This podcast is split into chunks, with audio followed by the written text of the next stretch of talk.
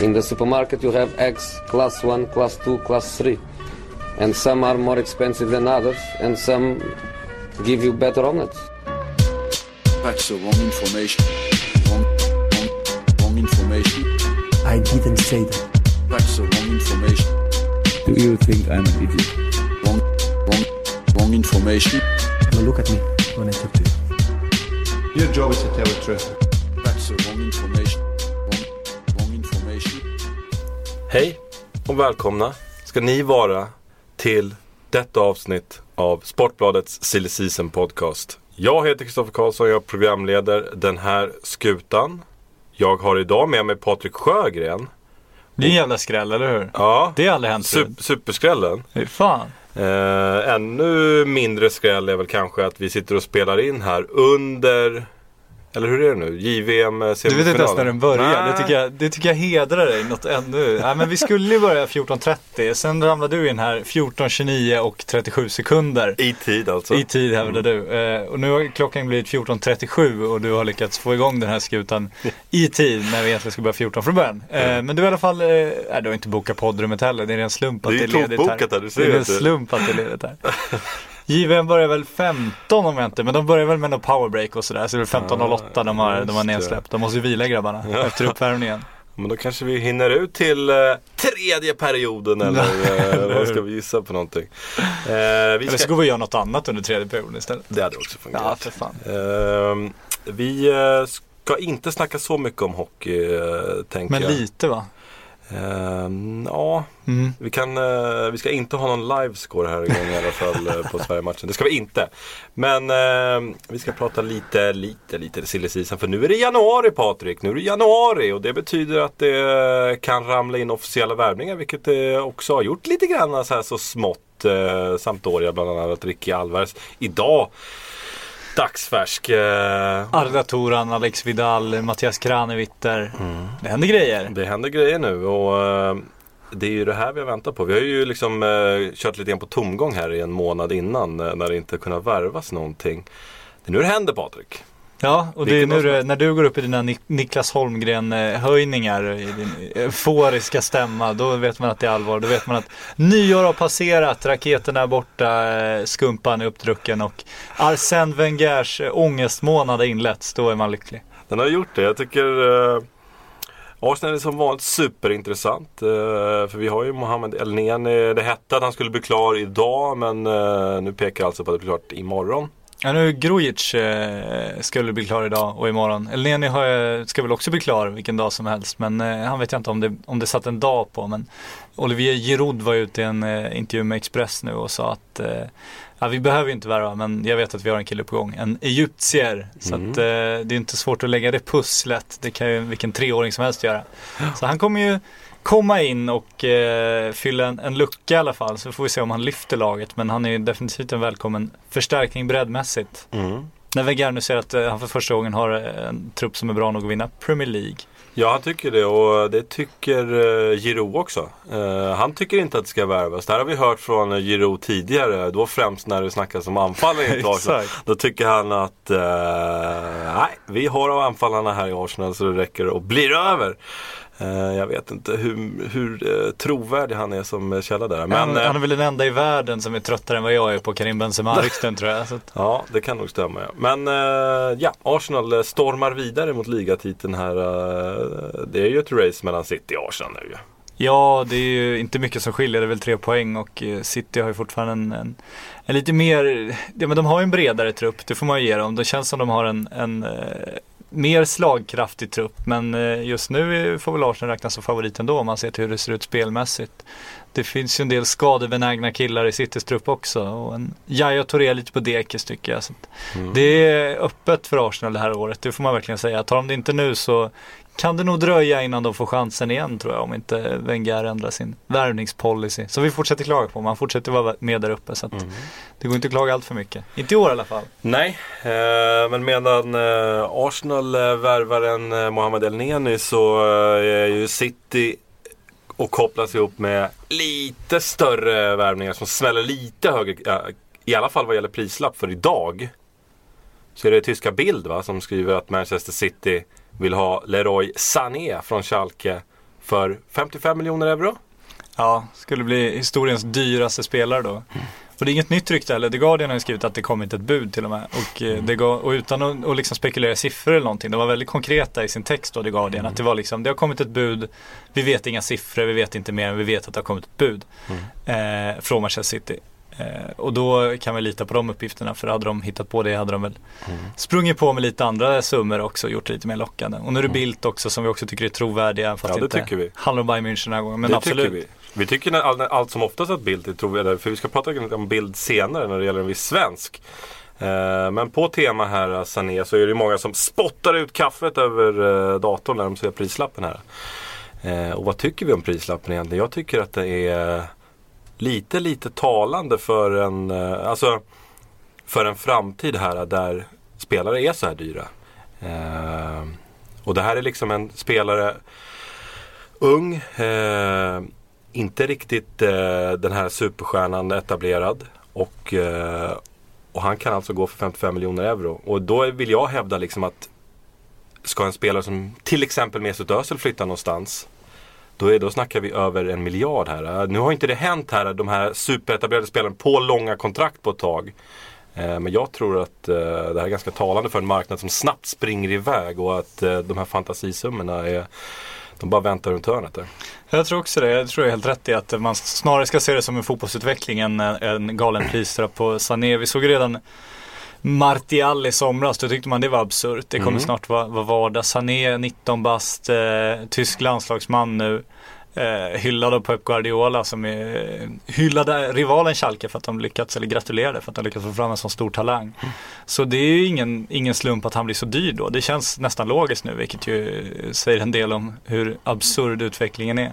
Jag tror också att om det blir en ny Galactico-värvning snart, en ny Ronaldo, en ny Gareth Bale, då, alltså en miljard kommer, kommer inte räcka om det dyker upp den här typen av spelare som de kan köpa igen. Då får man nog lägga på, eh, ja, 200, kanske 500 miljoner till. Och det kommer snart också vara vardag. Så att, eh, det är som du säger, en fotbollsutveckling snarare än att eh, Leroy Sané är, är så exceptionellt eh, unik så att han är värd så mycket mer än alla andra. Och City fortsätter ju kopplas ihop eh, lite så smått med de, de här lite intressanta spelarna som en Isco till exempel i Real Madrid som, eh, som jäkligt eh, rykte som gärad nu, Isco alltså. Eh, har haft svårt att få speltid under eh, Benitez här, i alla fall de senaste matcherna här, senaste fem matcherna. Så eh, jag tror han har samlat ihop en eh, tio minuter eller något liknande. Eh, och Isco är väl Alltså tok till salu tycker jag att det verkar som här. I, i alla fall i ett Benitez Real Madrid och ett Perez Real Madrid så är Isco definitivt till salu. Och en eh, alltså potentiell januarivärvning, alltså den bästa januarivärvningen eh, det här fönstret. Ja, jag tycker också alltså Real historiskt har man sett under Perez, han är inte rädd för, för att köpa, han är definitivt inte rädd för att sälja heller. När en spelare inte, inte platsar i laget oavsett hur bra den spelaren är så är han ju inte så att han är romantisk och ska hålla fast vid en vid Mesut Özil eller en Angel Di Maria utan då har han inga problem att, att kli- klippa de banden. Jag tycker också nu när Chamez har lite svårt att ta en plats, jag tror de ser mer i Chamez än de gör i, i Isco.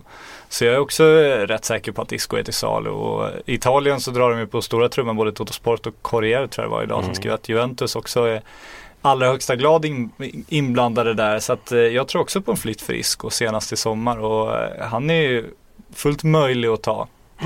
Och då är ju frågan City Ja, varför inte? Chelsea är väl på jakt efter förstärkningar. Skulle må bra av någon som liksom kan bryta nya mönster på mittfältet även fast de börjar, börjar få ordning på det nu. Om det är Texera, nu kommer jag aldrig sätta det uttalet, eller om det är Isco eller vem det är. Teixeira. Tack. Eh, Shakhtar-brassen i alla fall. Men det känns som det är på offensiva mittfältet där de har sina, sina tre positioner. De skulle må bra att vara någon på, att växla på. Inte bara en, en Pedro som kan löpa i djupled nu utan få, få in någon med kreativ kraft som kan lasta av Hazard. Och Juventus eh, gör ju rätt i att hugga det de kan. De håller på att bygga om sin trupp och vet inte hur länge de kommer behålla en Pogba eller en Dybala och sådär. Så att, eh, in, med, in med Isco för fan, en underskattad spelare. Ja, för eh, lite segstartat fönster ändå, i alla fall på de brittiska öarna. Vi har El Neni på väg in, Grujic på väg in. Eh, inga, inga jättevärvningar sådär. Och liksom i de här tiderna så får ju Daily Telegraph till exempel idag skriva om David de Geas nya Facebook-bild. Jag vet inte om du såg det. Han, Den är briljant, jag älskar den uppdateringen. Ja, det är någon slags eh, animation eh, på David de Gea i en målvaktströja. Grön målvaktströja utan klubbemblem. Och det, det har ju fått eh, Silly-galningarna att spekulera vilt i varför inte de Gea vill ha United-loggan på sin eh, Facebook-bild. Hur mycket läser vi in i, i den här Facebook-bilden? Nej, ingenting va, eller hur? nu när vi landar. Eller gör vi inte det alltså? Men man gillar ju just det här spelet, det är det som är intressant. Även fast det inte är så många presenterade affärer och det finns inte jättemånga stora rykten med substans så har ju spelet börjat. Det är ju även eh, Sadio Mané nu, när han eh, bråkar med Ronald Koeman. Han eh, kom för sent till matchsamlingen, petade från startelvan, Koeman efteråt också att han hade, hade tagit honom åt sidan i torsdags träning tror jag och sagt åt honom liksom att han tyckte inte var tillräckligt närvarande. Och det här går ju tveklöst och, och liksom dra växlarna till att han håller på att organisera sin flytt till Manchester United. För att när han var i Salzburg var det samma grej, då var det strejker och så vidare. Han missade väl mötena med Malmö och bäddade för, för den här svenska Champions League-boomen. Det är vi evigt tacksamma för. Eh, och nu känns det som han börjar bråka igen. Ja. Visst, det, det känns som eh, det, han, är, han är jävligt aktiv. Det, han, alltså, han får ju Peter Oddenvinge och se ut som en kille med en skruttig gammal Ford helt plötsligt. Det här är fan, det är ordning på det här. Ja, men det är en riktig silly profil måste jag också hålla med om. Eh, Och det är ju det känns som att eh, det kan bli stökigt i United också. Om, om det går bra att spola fram en 3-4 år så eh, kan, kan det nog bli en jättesaga kring eh, den gode Mané. Och sen blir jag också glad eh, att det är en eh, Red Bull-spelare som, som går så bra. För att Så det blir vidareförsäljningsklausuler och du, du vill liksom att det amerikanska företaget Red Bull som har så mycket goodwill i, i världen ska liksom casha in lite mer. Mer, Ja. mer pengar till Red Bull. Ja, inte så mycket så utan mer eh, att det bevisar hur de två europeiska Red Bull-klubbarna är bra på att scouta spelare. Eh, fostra spelare som... Vill du dem väl alltså? Nej, men eh, det finns en viss svensk här som har blivit scoutad av Ja, Red okej. Bull. Eh, och eh, som spås lite grann av en lysande framtid. Eh, och det, han har ju varit högaktuell i veckan, den gode Emil Forsberg är- i Red Bull Leipzig. Det är en svingång så här väderövergång du håller på med nu. Som Mm. till TV4 Hallå alltså. Lite långsökt Suttit och kanske. skrivit under hela julen här. Li, På, Lite långsökt, men dessa två klubbar är ju väldigt, väldigt nära varandra. Lånar ju fram och tillbaka. Och, så i min bok är det i princip samma klubb här vi har att göra med. Och då är ju Emil Forsberg Bild Zeitung uppgav häromdagen att eh, Liverpool är intresserade. Jürgen Klopp har stenkoll på eh, Forsberg och att eh, eh det pågår till och med en liten jakt här. Det var flera klubbar inblandade. Lazio, eh, Valencia också tror jag det var. Och det är ju väldigt kul att läsa om. Eller? Ja, hur, hur glad blev du när den damp ner där på Bild Zeitung? Stor, eh, de toppade ju sajten med Forsberg. Men jag har ändå svårt att tro att de skulle liksom hitta Emil Forsberg i tyska andra divisionen där eh, och tycka att han ska rakt in i Liverpool. Det, det tror jag inte en sekund på. Eh, hur gärna man än vill det. Men det, det som jag tycker är väldigt glädjande det är ju just att det faktiskt pratas om svenskar nu. Även Sam Mm. Larsson har ju fått ett, ett bra rykte i Holland, Heerenveen och placeras ju inte bara i Ajax numera utan även i, i holländska klubbar. Ja, ja, det, Ja, du var ju en liten eh, mini-twitterstorm här med, såg jag, med Axel Pyleby, Ja, eh, TV4. TV4-profilen. Jajamän. Som ju förvandlats från en st- småstadskille till en hipster under, under ett halvår på TV4. Jajamän. Får man lansera honom som nya Patrik Ekwall kanske? Herregud alltså. Ja, för Han du- kommer snart ha ett eget klädmärke, jag är övertygad om. Ja, det var en intressant tråd att följa för du lyfte fram Sam Larsson eh, som ett bra rykte nu när han eh, kopplades ihop med Atalanta. Då högg Pileby på dig direkt. Han tyckte, Ja, han han tyckte inte det. Atalanta, han tyckte du tog i så du sprack där. Ja men då var ju Pileby inte så väl påläst tyvärr. Han, har inte, han vet nog inte vad Ajax är och PSV. Han har nog inte följt Sam Larssons karriär. Jag gillar Axel Pileby, det måste jag säga. Ja, men, jag, han är en profil. Jag, men jag gillar inte den nya hipster Axel Pileby. Det är där jag måste. Där får vi släcka lyset som TV4 försökt flera gånger under hans sändningar. Det får dra ur kontakten där, Pileby. Kom, kom tillbaks till, eh, till fabriksgolvet. Vi saknar dig. Ja, nej, du är inne på en intressant poäng där. Med de här svenskarna, Emil Forsberg bara den senaste i raden att koppla ihop, eh, kopplas ihop med större, större klubbar. Eh, vi har haft som du varit inne på Sam Larsson men också en Simon Gustafsson, Oskar Hiljemark. Eh, vad är med för roligt? Ludvig Augustinsson. eh, Quaison gjorde en bra flytt, eh, har övertygat stundtals också. Mm. Ja men det börjar, och det börjar liksom finnas substans nu och det börjar vara spelare som faktiskt har tagit steg i karriären som gör att man tror att de kan ta nästa steg också. Mm. Det är inte bara de här eh, Rasmus Jönsson, Denny Avdic som vi var inne på lite innan, Ja, kanske återkommer till. Mm. Eh, som man vet direkt liksom, en Melker Hallberg, man, man kan liksom, ja men godnatt liksom, det, här kommer, inte- det här kommer inte gå. Nej. Det här är killar som redan gjort en flytt och har övertygat även i landslagssammanhang och, och det finns liksom chanser där och man ser faktiskt eh, goda framtidsutsikter. Så det känns som svensk fotboll äntligen är på väg att få lite heta spelare i Europa igen. Ja, för det här, man såg det inte riktigt komma. Det det räcker med att spola tillbaka två år i tiden. Eh, liksom innan det här U21-EM-guldet, innan eh, liksom Hiljemark flyttade, innan Quaison flyttade, innan eh, Simon Gustafsson flyttade, innan Augustinsson flyttade så, eh, så var det ju betydligt mer tristare tongångar kring svensk fotboll. Men nu är det ju liksom Känns som varje vecka så är det en stor klubb som, som är intresserad av en svensk. Det gör ju, det gör ju en väldigt, väldigt glad. Ja, bara att det snackas känns ju bra. Och det är kul också med u tycker jag just att de byggde ett lag så de fick ju flytta på en hel del kreativa spelare med stor talang. Och de som du pratar om nu är många, många av bänkspelarna är de som lyckas väldigt bra för att de har de här spetsegenskaperna som, som det inte fanns plats för riktigt. För det gick inte att gå ut och tro att man skulle slå Portugal på att man har bättre spelare utan man fick anpassa sig och det gjorde de jäkligt smart. Men nu är det ju som Larsson, Robin Quaison, de här som kom in som, som avgörande spelare även i den turneringen som faktiskt tar kliv och, och får lite ryktesvärmar. Och Simon Gustafsson satt ju på bänken, han spelade väl inte en minut i den turneringen. Nej, eh, just eh, det är också en intressant aspekt. I Håkans, Håkan Erikssons lite mer försvarsinriktade landslag så, så är det liksom, det är inte riktigt de, det är inte spelarna från startelvan där som är de absolut hetaste svenskarna ute i Europa. Och det är väl något att, för A-landslaget att lära kanske också att man kanske ska inte bara gå på eh, spelare som går, går bra och får, får mycket rubriker utan försöka hitta rollspelare i något system man, man har en tanke till. Ja, det, där är jag helt med dig. Liverpool är ju annars, eh, det känns som att de har kopplats ihop med varenda europeisk målvakt. Eh, eh, Man kan var- förstå varför också. Ja, alltså nu är det ju liksom, vi har haft Marketti, vi har haft Muslera, vi har haft Sirgo, vi har haft Mandanda. Eh, nu har vi också haft eh, Marc-André Ter Stegen som har blivit lite grann av en het potatis i Barcelona.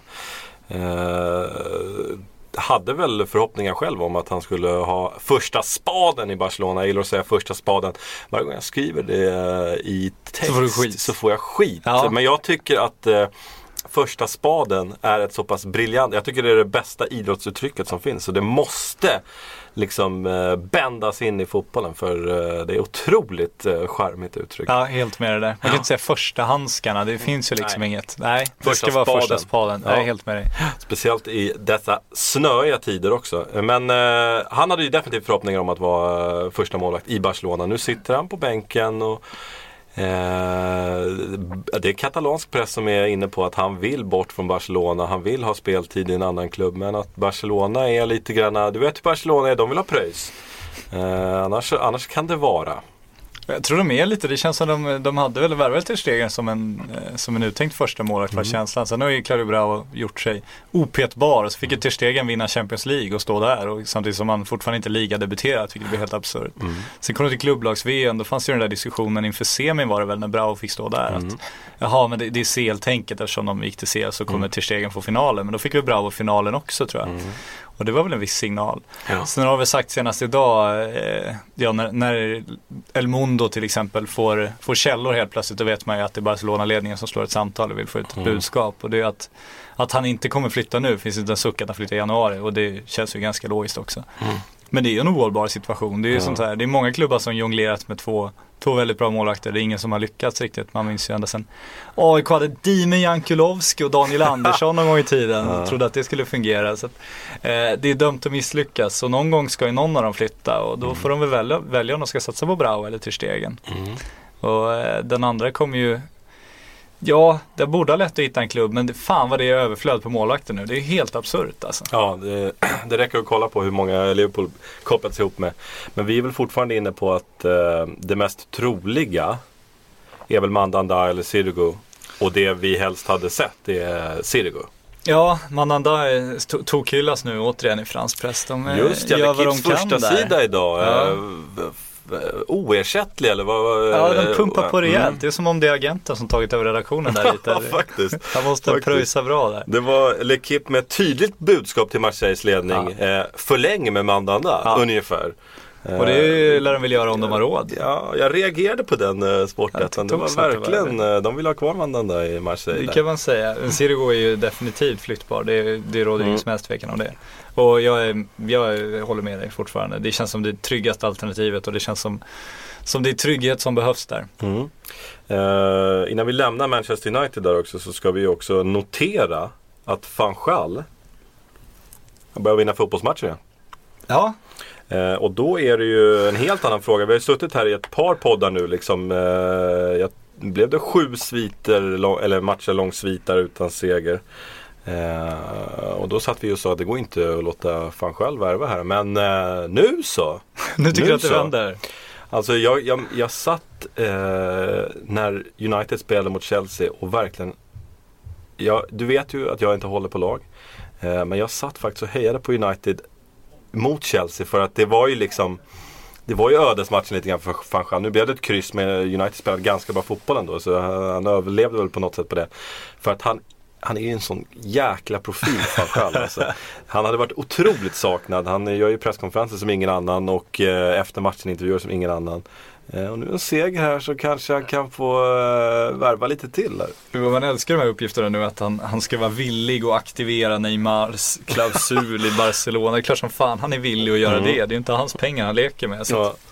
Det är därför jag inte litar på att han ska få, få full access till det här kassavalvet igen. Det känns lite oroväckande. mm, Men eh, ja, nej, men jag håller med. En jävla profil. mm. Vi fick ju den intressanta mejlfrågan också. Jag vet inte om du kastat in den i ditt eh, Det har jag gjort. Den kommer. rigorösa program. Fan vad härligt. Då har vi en cliffhanger.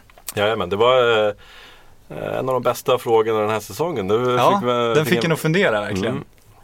Verkligen. Eh, sen har vi eh, Tottenham som eh, tuffar på där eh, i, i, eh, bland Champions League-platserna. Eh, Helvete vilken match, alltså eh, Everton-Tottenham. Jag tycker den hade precis Den gillade du. det var allting jag kräver av en brittisk fotbollsmatch. Det regnade först Mm. och främst. Det var Goodison Park, en tight jävligt, lite för liten arena egentligen kanske, men tight, härlig, jävligt brittiskt. Mm. Och sen är det två lag som går ut för att spela boll på backen. Och sen gör de ändå bara mål med direkta inspel i straffområdet. Det är liksom, det är allt, allt jag kräver av brittisk fotboll. Och så uppger ju, eh, för det har ju varit ganska tyst om Tottenham, men eh, Daily Mirror uppger idag att eh, Tottenham är sugna på Lavetzi. Och är det någon Premier League-klubb man vill stoppa honom in i så är det väl kanske Tottenham. Något annat hade känts lite, lite för stort för Lavetzi. Jag vet inte hur du står på honom som spelare. Han, är ju, han blandar ju i er en del. Ja, jag tror vi är rörande överens. Eh, känslan är ju just som det, alltså han har ju spetsegenskaper, sin snabbhet. Den kan ju vara ovärderlig om du använder på rätt sätt. Samtidigt så är, är det ju inte mycket mer i paketet tyvärr tycker jag att det har visat sig i PSG. Det är en väldig skillnad på han och Cavani, det är en ännu större skillnad på han och Zlatan. Så jag håller med, jag har svårt att se att han skulle förändra ett Manchester United. Jag tror att han skulle gå in som en, som en Pedro i Chelsea kanske. Att han, du, har, du har nytta av hans egenskaper om du använder dem på rätt sätt. Men han är inte den som kommer lyfta din klubb. Och då känner jag också att Tottenham känns som en lagom nivå. Problemet är just den där lönen som ju är absurd i PSG. Och eh, han har ju också visat sig, har vi fått höra från våra franska kollegor, att är det någon som, som uppskattar Parisnatten lite mer än någon annan i PSG så är det den gode Lavetzi. Han tycker ju också om att ta, ta lättklädda bilder och annat. Så att den brittiska pressen hade nog välkomnat honom Ja, närmare. Men vart ska du ha Lavetzi i Tottenham? Ja, det Dele Alli ska ju liksom inte få mindre boll om man säger så. Nej, jag, Harry Kane ensam anfallare.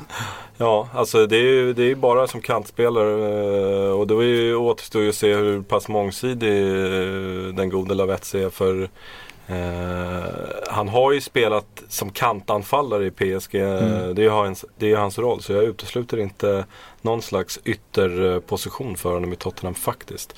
Eh, så blir jag lite överraskad att Pochettino känns inte riktigt som eh, Pochettinos typ av spelare. Lite för stökig, lite för bråkig kanske. Sen tyckte jag det var jätteintressant att eh, Zlatan Ibrahimovic red ut och eh, i princip beordrade Lavetzi att eh, stanna säsongen ut.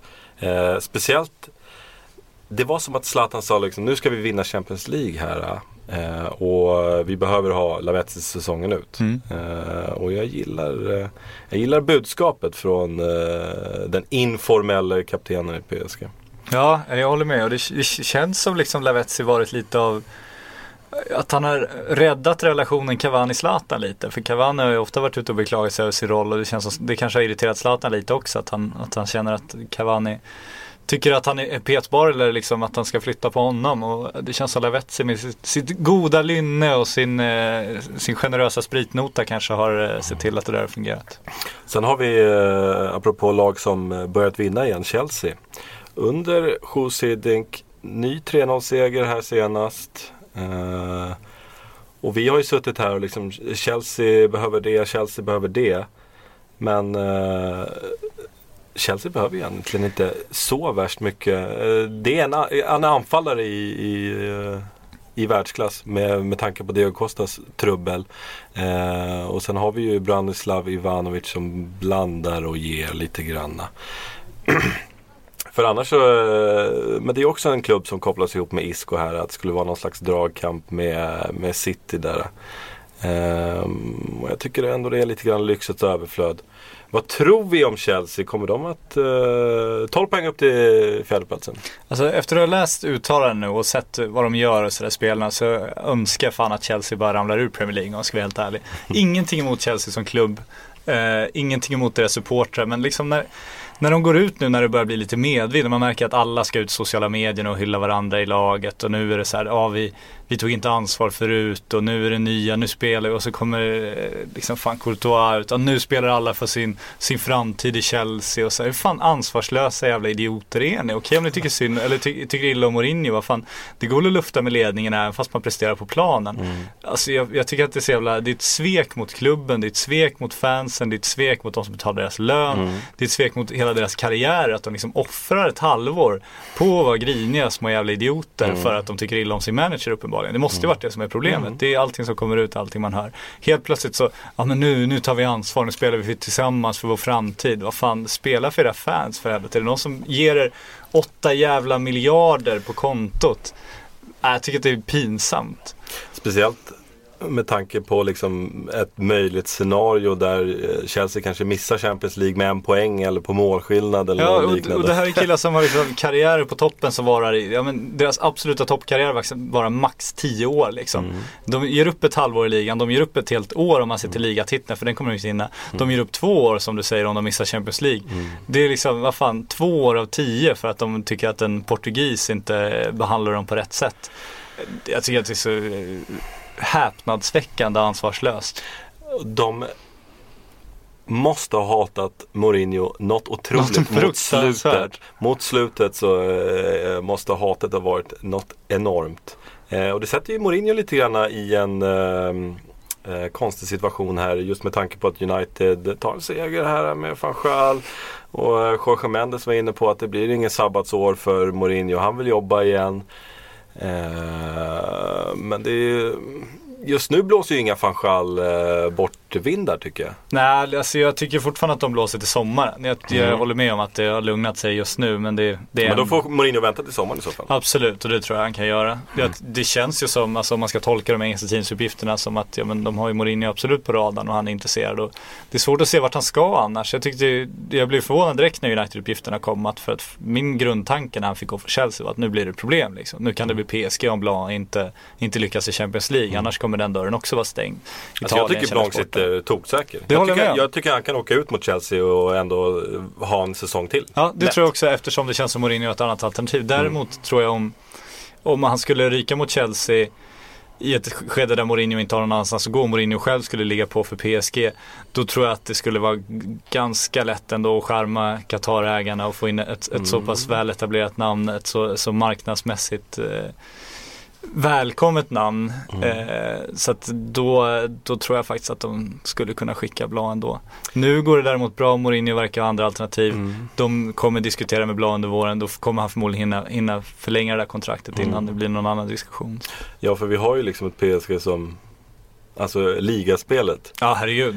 Herregud. Det går, inte, det går inte att göra bättre än vad Blanc gör just nu. Nej, och laget han byggt. kupperna också. Ja men laget han byggt är också enormt imponerande. Alltså Mm. han är väldigt, nu är han ju enormt stark på målvaktssidan. De kommer Mm. ju förmodligen göra sig av med Sirigu som vi säger.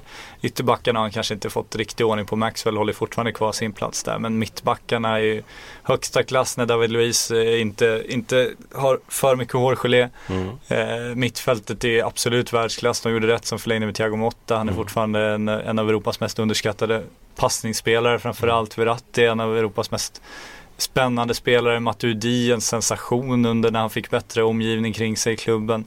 Anfallsmässigt Zlatan bättre än någonsin. Hey, I'm Ryan Reynolds. At Mint Mobile, we like to do the opposite of what Big Wireless does. They charge you a lot, we charge you a little. So naturally, when they announced they'd be raising their prices due to inflation, we decided to deflate our prices due to not hating you. That's right. We're cutting the price of Mint Unlimited from $30 a month to just $15 a month. Give it a try at mintmobile.com slash switch. $45 upfront for three months plus taxes and fees. Promo rate for new customers for limited time. Unlimited more than 40 gigabytes per month. Slows. Full terms at mintmobile.com. Han har Cavani som knackar på den dörren och liksom är redo att axla den manteln.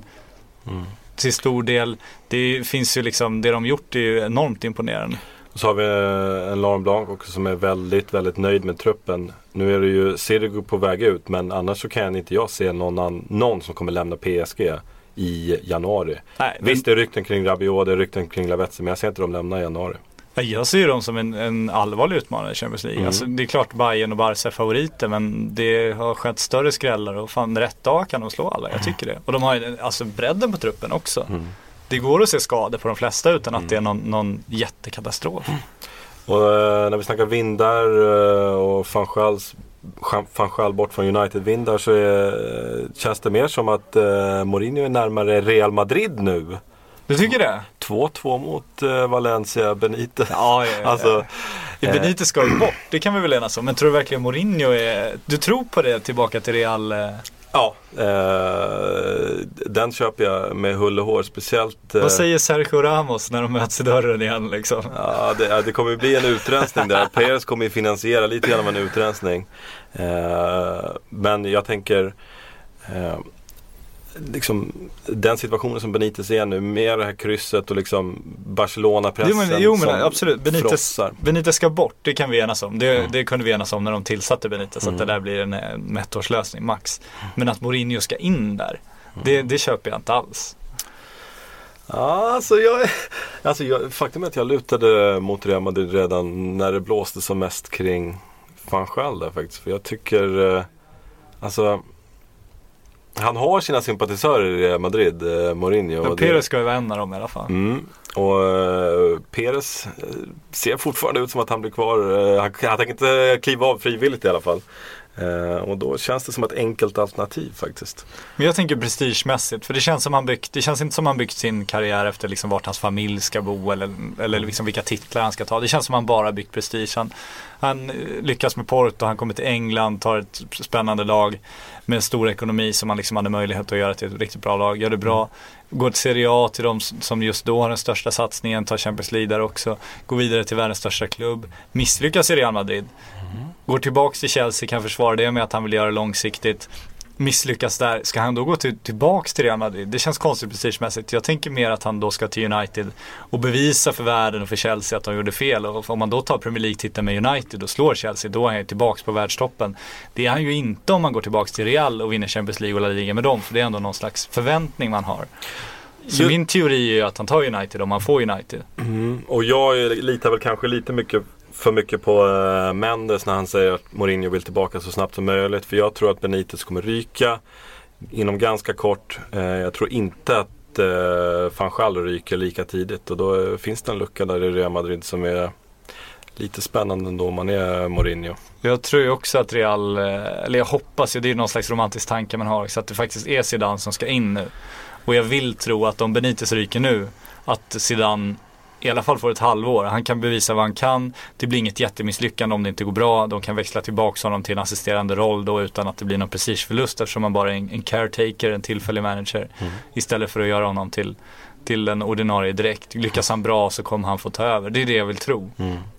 Så att, eh, vi, vi kommer inte göra något, eh, Vincent Tanvad här, det kan jag säga. Men, Ja, vi kan ju följa utvecklingen. Ja, vi gör det. Jag noterar det här. Den Din är- fullständiga övertygelse noterar jag. Mm, det kan du få göra. Ja, Eh, jag noterar det det här finns på mitt konto där jag skrivit, skrivit upp alla dina förseningar också.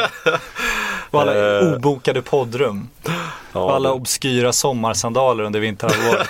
det vet du, jag kliver in här badtofflor. Eh, Men eh, en spelare som ivrigt, ivrigt, ivrigt försökt komma till Premier League är Alexander Pato. ja, Den här, det här superlöftet när han slog igenom i Milan, sen kom skadorna, sen kom flytten tillbaka till Brasilien. Nu vill han inte vara i Brasilien längre, han vill vara i England men han verkar inte få napp det. Nej, det, här, det är en enormt tragisk historia, tveklöst. Han har ju suttit sen, sen i somras mer eller mindre och flörtat intensivt. Hans agent åkte ju till England på en resa för, för att träffa klubbar och försöka väcka intresse. Och det var en jäkla intervju i Daily, Daily Telegraph där också. Ja, som ju är väldigt placerad och planterad Mm. för att få igång intresset. Det är tydligen helt dödstyst att döma av det man hör nu. Och nu är istället den här kinesiska andra ligaklubben med Wanderlei Luxemburg som manager. Tar du namnet på den klubben? Eh, Dalian heter de väl också, men det är inte den här Ayer Bin utan det var något Jiang. Mm. Rätt va? Det är alltså inte Mikael Stares eh, klubb. Nej, jag de har, nej, utan de har ju vad är det, Luis Fabiano och Jadson i laget. Två Mm. namn man ändå känner till. Rätt eh, landslagsmeriterade här, 45 respektive 8 landskamper tror jag. Eh, och det intressanta är ju att de vill ge Pato 4-5 miljoner i månaden skattefritt för att komma till Kina och han själv vill ju rädda karriären. Problemet blir ju då att hans agent kommer ligga på för att få igenom Kina-dealen för att det kommer vara bra utdelning. Corinthians vill absolut inte ha honom i laget. Han eh, blir mordhotad av fansen, tvingas bort till Sao Paulo. De vill göra allt för att få, få lite, lite tillbaka den enorma jävla pengasäck de gav Milan. Eh, och han har bara ett år kvar på kontraktet så de måste ju sälja nu. Och de vill ju definitivt putta honom till Kina. Om Ja. han då sitter där i slutet av transferfönstret eller bara, bara den här veckan tror jag att det kan bli klart. Då kommer Mm. han ju, sitter bara med Kina på, på bordet. Det kommer ju bli Kina. Det kommer bli kinesiska andra Det är så ligan för Alexander. Pato. Eh, Alltså, eh, och jag tycker det är lite förvånande med tanke på just han vill till Premier League och det finns de här Premier League-klubbarna som är i desperat behov av anfallare.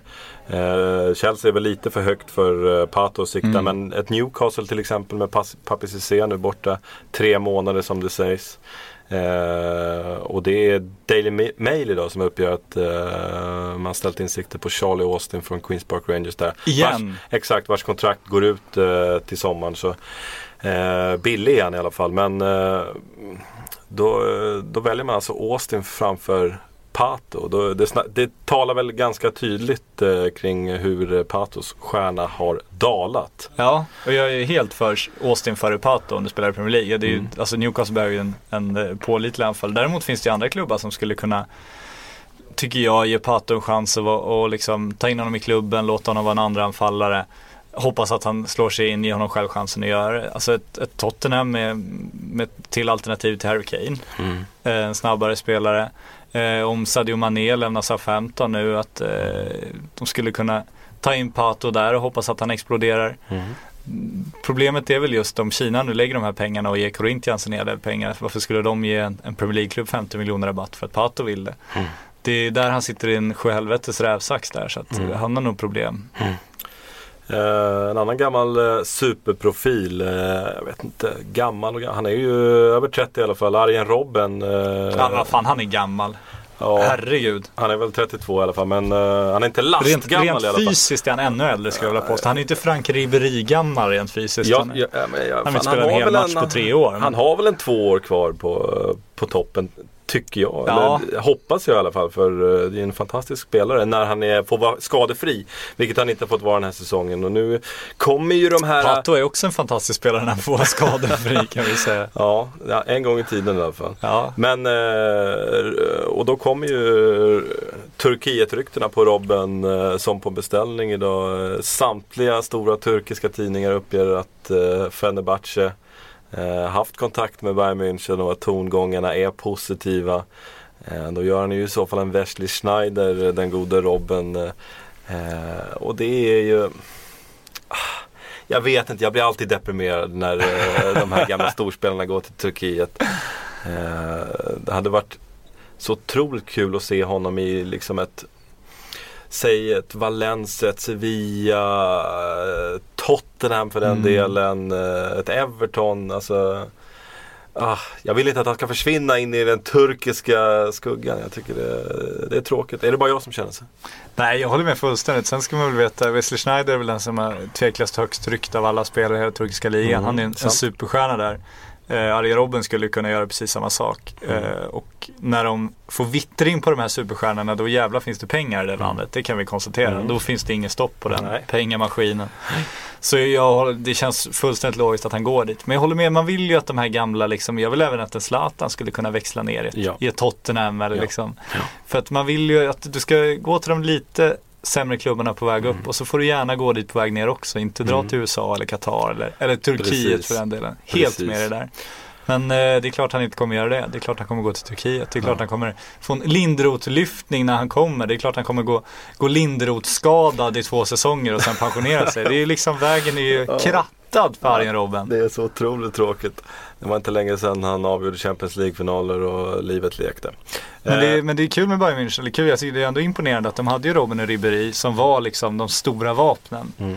Och sen när de föll där så var ju, identifierade de ju problemet att de var för beroende av just Robben och Ribéry. Och nu ju de skada, alltså spelat sig bort från laget med alla skador och Mm. ja, sådär. det är dramatisk utveckling vad gäller Bayerns start. Ja, och då har de ändå lyckats ta in Douglas Costa som blev framröstad som eh, hela Bundesligas bästa spelare det här Mm. halvåret nu. Vilket är smått eh, imponerande med tanke på Aubameyang och Mm. eh, Lewandowski och andras framfart. Thomas Müller. Eh, så det ju, säger ju en hel del. Sen har de Kingsley Coman som ju faktiskt ser ut att kunna bli den spelare många trodde Mm. härom året när han gick från PSG till Juventus men inte riktigt exploderade. Det är snyggt, den generationsväxlingen utan att köpa en Alltså nu var Douglas Costa en världsspelare Mm. men det var inte, alla hade inte identifierat det. Och Nej. göra det på det sättet är ju fruktansvärt snyggt gjort faktiskt. Ja, nej, den generationsväxlingen går definitivt till historieböckerna som eh, en av de bästa. Det Ja. måste jag hålla med om. Och ekonomiskt sett eh, otroligt eh, Ja, bra det gjort. Ja exakt, inte Manchester Sané kostar- United eh, Nej, vi snackar nej, om. precis. Eh, Billigare och eh, lite bättre om vi säger Lite så. bättre och lite yngre och ja, otroligt bra gjort. Mm. Eh, men du nämnde Pierre-Emerick Aubameyang där. eh, Jag vet inte om jag nämnde hans namn men jag nämnde något som lät som hans namn. Eller vad? Ja, men Jag det- närmade mig hans namn. Aubameyang i alla fall. Han, han fortsätter att ösa in mål för Bor- Borussia Dortmund och då är det klart då gör man det i Borussia Dortmund då kommer man att kopplas ihop med Europas allra allra största klubbar och nu eh, är det ju intressant. Bayerns VD eh, Hans-Joakim Watzke eh, vill jag minnas att han heter.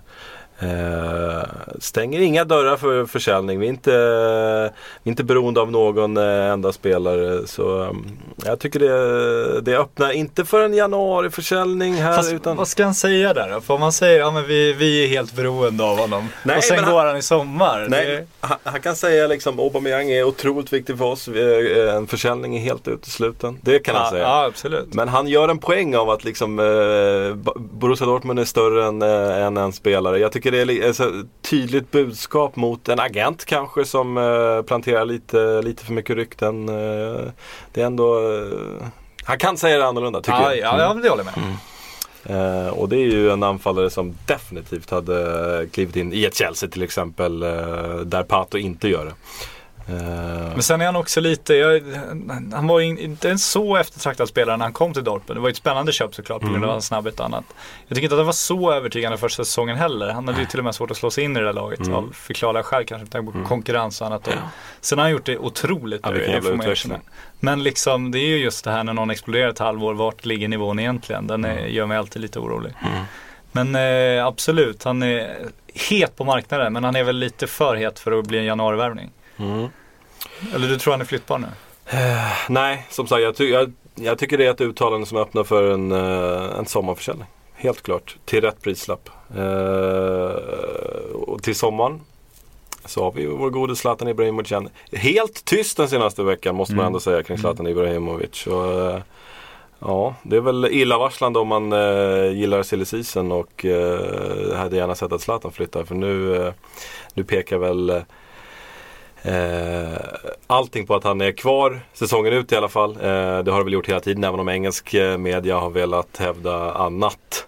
Eh, och jag börjar känna mig allt mer självsäker på min teori om att han förlänger ett år med PSG dessutom. Ja du gör det. Ja, men jag tycker det ska bli kul för i sommar kändes det som att det som saknades i fönstret var liksom den här riktiga anfallsjakten. Då kändes det som att de flesta klubbar faktiskt satt med sitt. eh, Bayern München hade sina anfallare. Barca hade sina anfallare kan man säga. Real Madrid hade sin anfallare. Chelsea satt med Diego Costa. PSG hade Zlatan ett år kvar. Det var liksom ingen rörelse. Nu är det Diego Costa ska förmodligen, om inte ersätta, ska hittas alternativ. Manchester United ska definitivt eh, hitta en anfallare. PSG måste ersätta Zlatan om de inte ska förlänga med honom. Real, Benzema känns helt plötsligt flyttbar efter sina skandaler. Eh, det börjar hända grejer och så dyker det upp sådana här namn som Aubameyang då som eh, faktiskt är flyttbar. Eh, det finns andra stora anfallare som man känner att eh, nu nu jävlar om Real skulle kunna hugga Lewandowski skulle det öppna en lucka by München. Så nu blir det roligt och då understår jag, jag är ju med på din teori att det inte är helt uteslutet att Zlatan förlänger. Samtidigt så tror jag att det beror på vad som händer med, med PSG i den här anfallskarusellen. Jag tror att om de lyckas ersätta honom med en Cristiano Ronaldo eller någon annan riktigt etablerad så då tror jag han går.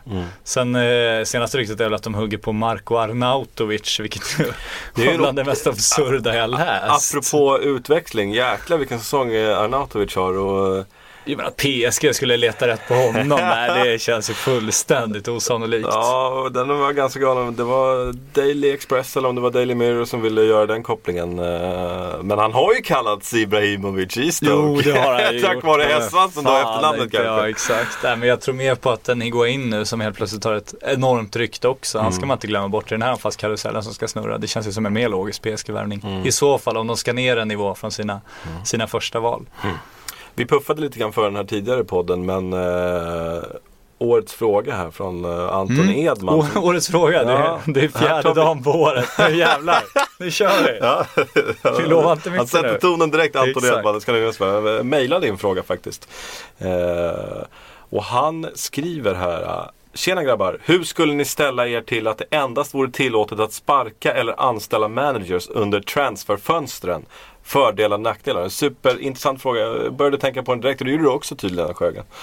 Eh, och då kan vi väl eh, snacka av oss lite grann. För eh, jag tycker ju spontant att det är superspännande. Jag tycker att det vore eh, jättebra för fotbollen i det att klubbarna måste tänka efter lite, lite mer när de anställer en manager. Det går inte att kasta ut honom efter fyra omgångar. Eh, och det, det är inte lika Alltså jag tror att antalet sparkade tränare hade gått ner också för den delen. Eh, att folk inte bara gör, av, gör sig av med tränarna när, eh, när fönstren kommer. Eh, sen finns det såklart problem. Eh, jag ser i, i en sån värld så ser jag scenarion där Chelsea till exempel skulle ha Sjusidink anställd Alltså på heltid. Även om han inte var manager så skulle han alltid finnas inom klubben. Så att när en José Mourinho då eh, de Chelsea tröttnar på honom så får han helt enkelt eh, hänga på klubbhuset medan Sjusidink kliver fram. Alltså för Chelsea Fast eh, om du liksom, det går väl ändå att komma runt med regler. För liksom, om du då stipulerar att ja, men din manager måste vara närvarande på bänken i samband med match. Ja, okej. Då, du vill ju inte ha en rasande José Mourinho som vill att, vet att han ska petas sittandes på bänken bredvid dina spelare under matcherna. Mm. Så där tycker jag ändå att man kan komma runt det. Jag förstår vad du menar, att du liksom ska skugg, Ja, skugganställa går- någon ja. bakom och sådär, att du egentligen har en annan ledare. Mm. Men jag tror att visst, alltså om de bestämmer sig för att ersätta José Mourinho, det är klart de skulle ta bort honom från värvningarna och de skulle Mm. göra så. Men de skulle fortfarande vara tvungna att hålla honom lite på gott humör om han nu var tvungen att vara med på matcherna hela tiden. Vilket Mm. jag gärna vill se att de ska. Då. Och uttagningar, här, det kan ju bli otroligt infekterade historier i det här systemet. Ja, för du måste ju behålla Ja. folk som... Ingen, ha, när tränaren i fråga inte vill vara där och klubben inte vill ha honom där. Då, det är ju upplagt för superkatastrof under det, det tidet transferfönstret är stängt. Absolut. Samtidigt så bäddar ju det för att du måste lösa de, den typen av konflikter då, vilket kanske hade Ja. förbättrat både för klubbar och tränare. Det jag ser som största, det, det jag älskade när den här frågan kom, så tycker jag, gud vad skönt det hade varit. Dels så hade, det ju, hade vi sluppit den här typen av, av resultatdopning när man med, med, med sex omgångar säsonger kvar att sparka sin manager. Och liksom, det handlar inte om någon långsiktighet att du ska bygga ett bättre fotbollslag, att det ska komma in någon, utan det handlar bara om att du ska in energi då. Du går in på formen där. Ny tränare, seger. Exakt, och då blåser det lag som satsar lite mer långsiktigt och Mm. som faktiskt vill behålla sin tränare. Så det vill jag definitivt ta bort och det skulle du ta bort direkt. Sen skulle det också, eh, om man ska vara lite human, lätta på pressen från tränarna. Mm. För att nu är det verkligen, Louis van Gaal jobbar just nu med att han, han kanske inte har något jobb vilken dag som helst. Okej, det skulle vara så under transferfönstret, men under den andra delen av året skulle de liksom Mm. få lite lugn och ro och faktiskt få, eh, få men mandat att styra sin fotbollsklubb på ett annat sätt. Så jag tycker det här hade varit en helt fantastisk idé. Jag ser definitivt att alla fördelar överväger nackdelarna. Jag tror klubbarna skulle vara emot genomförandestaden men jag tror att eh, både spelare och tränare faktiskt skulle vara positiva till det. För att du skulle ju få en, du skulle vara tvungen att satsa på din manager, du skulle vara tvungen att ge honom förtroende, du skulle vara tvungen att bygga långsiktigt. Jag tycker att det är ett strålande förslag. Ja, som sagt, och nu när du tar upp liksom ett regelverk där tränaren till exempel måste finnas på bänken eh, vid matcher så mm. Men det borde gå att komma runt och jag tror också just med konflikten, jag förstår verkligen vad du menar, att det skulle Mm. kunna bli så fruktansvärt infekterat om en, om en eh, ordförande och en tränare liksom, det händer ju gång efter annan att de ryker ihop. Mm. Samtidigt så skulle de inte kunna ryka ihop då för att det skulle skada klubben så mycket. Så, så ordföranden skulle ju vara tvungen på ett sätt att och vara lite mer tillmötesgående och liksom mot en tränare han själv har anställt. Så jag ser inget problem med att han måste vara det. Och sen kan han ju ersätta honom ett halvår senare om det skulle vara så. Men ett halvår är fan inte så mycket om man tänker på att klubbarna har existerat i över hundra år. Det är inte som en sp- spelares karriär som varit tio. Det här är klubbar som borde bygga tio år framåt men som bygger två månader framåt för tillfället. Ja, vi klubbar igenom eh, Antons förslag men vi tror aldrig att vi får med oss klubbarna på någonting sånt här. Nej, det tror jag blir enormt svårt. För det skulle innebära just att de ger upp lite makt till sin tränare då. Och det, det är nog svårt att övertyga dem om att det är rätt väg framåt. Men, men jag tror ändå att med, en, eh, med rätt mutor så går det här igenom i Fifa utan Ja. problem. Liksom. Exakt. Det handlar om att ringa rätt killar bara. rätt mutor Skicka på rätt rätt ställe. portföljer, exakt. Mm. Bjuda på rätt resor. Och så får vi ju en uh, ytterligare en dimension till uh, silly season. Ja, Mm. men jag tänker att om Sillypodden går in nu och bjuder Fifa-ledningen på, en, på någon resa till, vi, tar, vi tar med dem till Man- Karibien ja, någonstans och så sitter vi där ja. en vecka och smörjer dem med lite, lite champagne och lite rysk kaviar och så tar vi in Nisse Johansson som får vara någon slags värd där och så eh, Ja men vad fan, jag ser möjligheter. Eh, vi går vidare med lite frågor som kommit in på hashtaggen. De uppskattar vi också otroligt mycket. Georg Blixt skriver, ta, det här gillar ju du Sjögren. Ja. Ta upp en silly legendar. Det vill säga en omtalad, misslyckad eller sjuk absurd affär. Eh, ja, men om man tar idag, på dagen 10 år sedan skrev Antonio Cassano på för Real Madrid. Eh, han var väl 23 bast då ungefär. Det, han gjorde väl ungefär lika må- många matcher för Real Madrid, typ 23. Gjorde 9 mål eller något. Jag minns inte exakt. Men eh, ni ska bildgoogla Antonio Cassano, Real Madrid presentation. Och sen ska man bara njuta av den jackan han har på sig. Alltså det är bland det bästa jag sett i mitt liv. Jackan, frisyren, liksom självförtroendet när han kliver in. Det är liksom världens mest anrika klubb, en av dem i alla fall. I den jackan, med den frisyren, med den attityden och sen bara rakt ner i fördärvet. Det, ja, det, det är silly historia. Ja, Anton Adamsson, eh, Igalo, vad är kostnaden för klubbar utanför Premier League och hur mycket trissas den upp vid budgivning med Premier League-klubbar? Och här känner jag ju direkt att Igalo är ju omöjlig i princip att värva för en utom engelsk klubb. Med tanke på det han har presterat kontinuerligt nu i Championship och i Premier League så kommer det finnas Premier League-klubbar som vill ha honom och då är det bara, liksom, då är det bara Real Madrid, Barcelona, Bayern München och Juventus som kan konkurrera ut säg eh, ett Everton och liknande klubbar.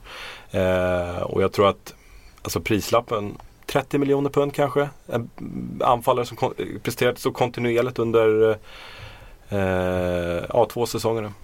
Två och en Ja. halv. Om vi pratar sommar 30, då är jag med på Mm. den, absolut. Nu betyder det dyrare men Men ja, nej, jag håller med. Det, det är sorgligt men sant för att jag tycker också att Premier League, eh, de blir kvar med många rätt dåliga spelare också för att de ger oss så bra löner. Du blir inte av med de sämre spelarna heller.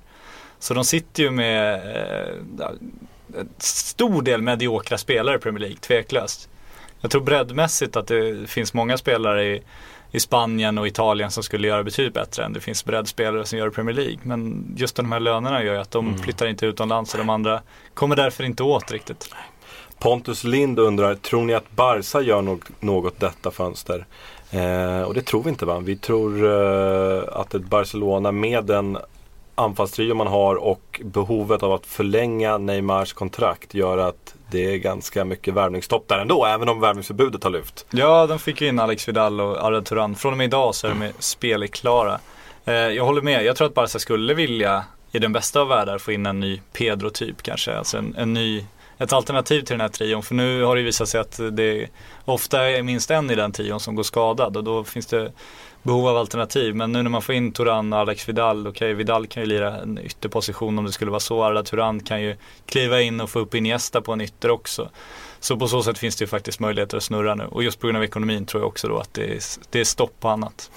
Alan Pardew gör ju uh, smått succé i Crystal Palace och... Uh, smått Pardew-effekten ja. redan legendarisk. Den är liksom, han är lika stor som Tactics Tim nu skulle jag vilja hävda. Så pass legendarisk att uh, Crystal Palace ordförande har känt sig manad att gå ut att säga att om Real Madrid ringer så kommer vi inte att stoppa Allen. Eh, och det har fått Seb Börjesson och att undra hur skulle det gå för Pardew om han började träna Real Madrid? Herregud, eh, alltså, det finns ju lite grann av en förtroendefråga här. Kommer från eh, Crystal Palace eh, i Premier League och tar över dessa super superstjärnor. Samtidigt så är liksom Alan Pardew en berest man. Jag tycker han har stilen, han har klassen. Vi har snackat om det tidigare på de här unga nya tränarna. Det, ja. det gäller att ha stil och klass. Och det tycker jag Pardew har. Även om han kan skalla eh, en spelare här och eh, kalla en annan tränare för Old Kant där. Eh, så... Det gynnar honom bara om han skulle ta ett Real. Alltså han måste ju gå in och, och kalla Ronaldo för old kant för att få lite respekt liksom. Han kan inte, annars är det bara Alan Who.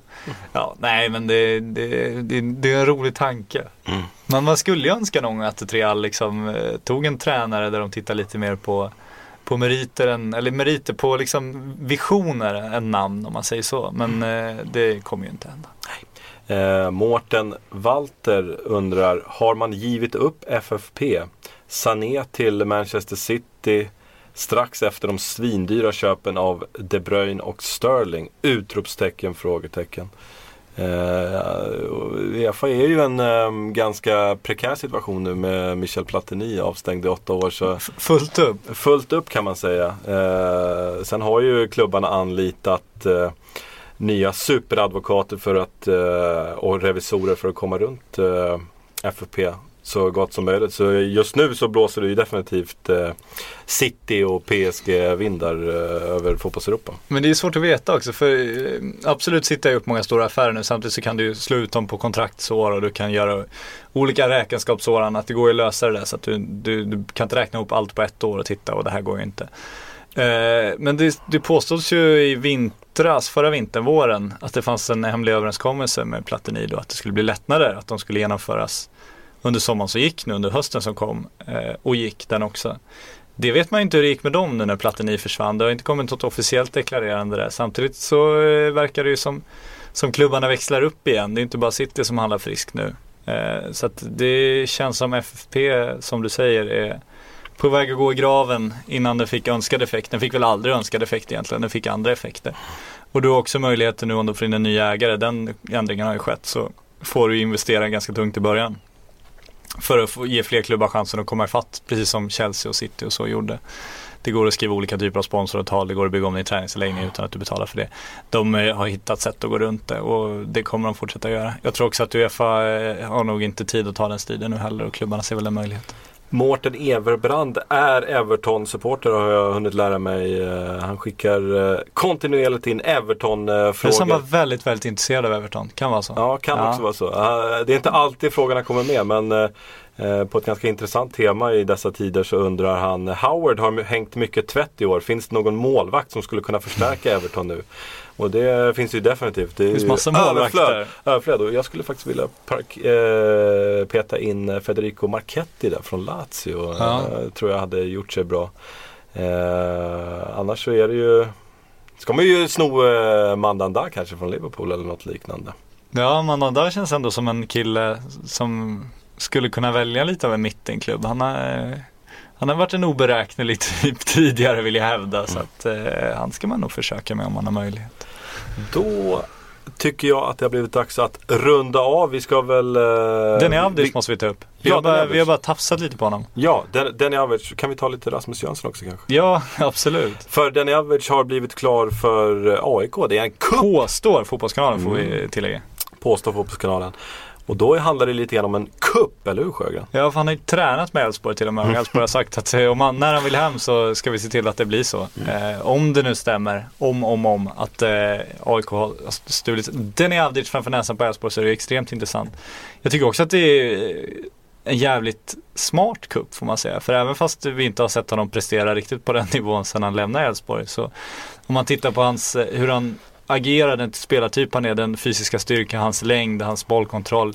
Han är ju lite av En en, Goitom. en Goitom-kopia. Inte, absolut inte lika bra för Goitom var eh, fortfarande underskattad vill jag hävda. Han är en av de intelligentaste fotbollsspelarna allsvenskan haft de senaste åren. Men just samma karaktär liksom. Även en målskytt, en bollmottagare, den typen av spelare. Så att, ruskigt smart och snyggt värvat om de, eh, och fräckt också om de, om de har stulit honom. Och sen fick vi, vi började fundera på Rasmus Jönsson då helt plötsligt. Mm. Som, eh, ja alltså det var du som eh, drog eh, kopplingen där. När vi satt och snackade om Avdic här innan så lyfte du Rasmus Jönsson. Och det, Vad fan tog han vägen? vart Det var tog orden. Rasmus Jönsson Ja. vägen? Den här lite, lite taniga anfallaren som som ändå var otroligt omskriven i sin heyday.